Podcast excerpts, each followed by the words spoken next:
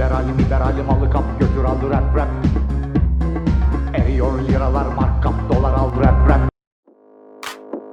Nereden başlayayım? Şeyden bıraktığım yerden mi yoksa şey mi yapalım?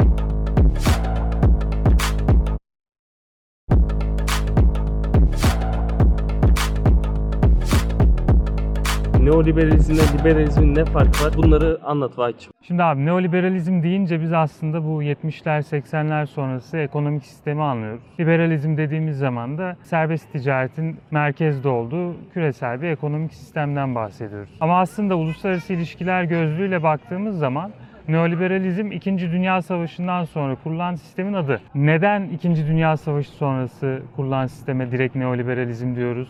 Ve bununla 80'ler sonrası sistemin ne farkı var?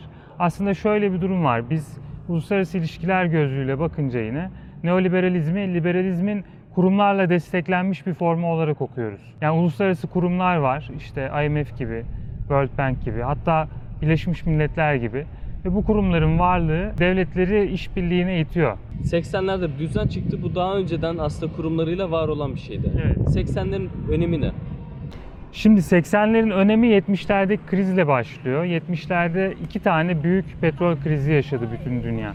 Petrol krizi ne demek? Petrol demek enerji demek, enerji demek de sanayi demek. Petrol krizi yaşandığı zaman, petrol fiyatları fırladığı zaman ülkeler bir şey üretemez hale geliyorlar. Çünkü üretim aşırı halde pahalılaşıyor. 70'li yıllarda bu petrolün pahalılaşması sonrası Yeni sanayileşmekte olan ülkeler ve işte petrolü ithal eden ülkeler sanayileşmede büyük problemler yaşadılar. Şimdi bu ülkeler sanayi üretimi yapamadıkları zaman borçlarını geriye dönüp ödeyemez hale geliyorlar. Bu ülkelerin ödeyemediği borçlar da zaman içerisinde bu ülkelerin alacakları olan ülkelerde bir krize yol açıyor. 70'lerin sonuna geldiğimizde hem yüksek enflasyon hem de ciddi bir ekonomik daralma görüyoruz. Friedman diyor ki devlet bundan önce ekonomik faaliyetlerin %90'ını kontrol eden çok dominant bir aktördü. Yani tarımın planlanmasından tutun sanayi yatırımlarının planlanmasına kadar ekonomi, sağlık her şey devletin kontrolündeydi. Bunun yerine devlet artık o dominant vasfını bir kenara bıraksın, piyasanın önüne açsın. Yani özel teşebbüslerin önünü açsın. Ve Birleşik Krallık'ta Thatcher, ABD'de Reagan gibi önemli siyasi aktörler de bu Friedman'ın düşüncelerini politik olarak uygulamaya başladılar. Aynı dönem bizde de Özallı yıllar olarak bilindiği için ve Özallı yıllar da özelleştirmelerle özdeşleştiği için oradan aklınızda tutabilirsiniz. Tabii Thatcher ve Reagan'ın politikaları İngiltere ve Amerika'da uygulandıktan sonra bu işte Dünya Bankası eliyle, IMF eliyle diğer ülkelere de yayılmış oldu. Nasıl oldu? İşte bu gelişmekte olan ülkeler zaten 70'lerdeki krizde çok ciddi borçlanmalara girmişlerdi ve bu borçları ödeyemeyecek haldeydiler. Ve ne oldu? Bunlar IMF'den borç istediler ve bu borcu ödemeleri karşılığında IMF onlara ekonomilerini yeniden düzenlemelerini şart koştu. Bizim yapısal reformlar, yapısal reformlar deyip durduğumuz hikaye de zaten bu. Yani ülkelerin dış ticarete yönelik engelleri kaldırmasını istiyor IMF. Bunun yanında piyasanın, özel sektörün daha ön plana çıkmasını talep ediyor bu ülkelerden ve bu şartlar karşılığında o ülkelere borç veriyor.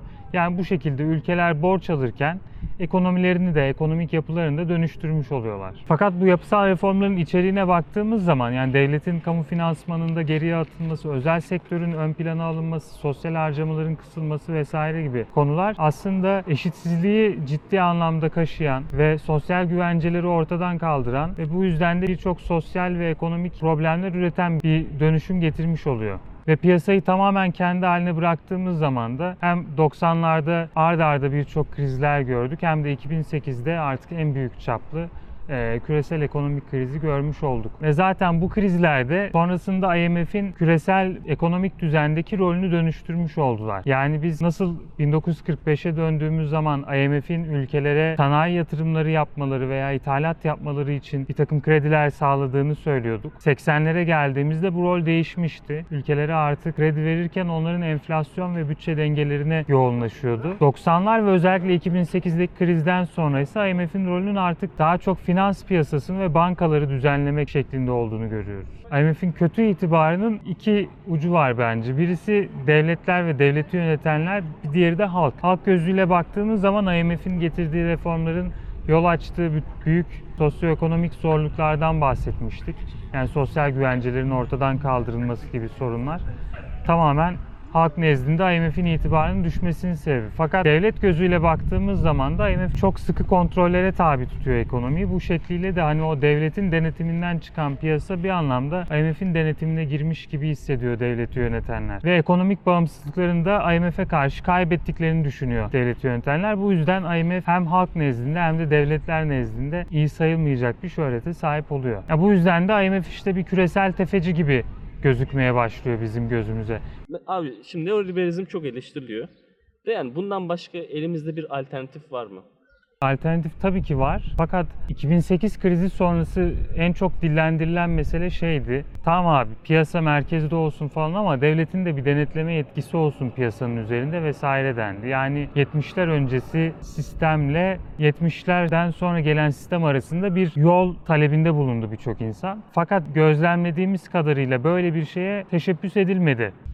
Ee, anladığım kadarıyla senin şey bir tutumun da var. 2008'deki krizi aslında iyi okuyamadılar gibi düşünüyorsun dediğine göre. Tabii tabii Yerinde yani şey ya yerinde kendilerince bence hala aynı görüşteler canım hani bizim baktığımız nokta şeydi biz neoliberalizmi eleştirirken diyoruz ki neoliberalizm sosyal uçurumları arttırdı ve işte sosyal güvenceleri ortadan kaldırdı. Ekonomik istikrarsızlık diyemeyiz de yani şeydi eşitsizlik de, de- diye adlandırıyoruz biz onu. Yani yol açtı. 2008 krizine verdikleri cevapsa sadece hani ortada bir finansal kriz varmış ve bunu çözersek her şey yoluna girecekmiş gibi bir cevap. Bence hala o noktadalar. Teşekkür ederiz Vahit. Rica ederim. İyi günler. Çok yorulduk lan Vallahi. çekerken. Evet, ben de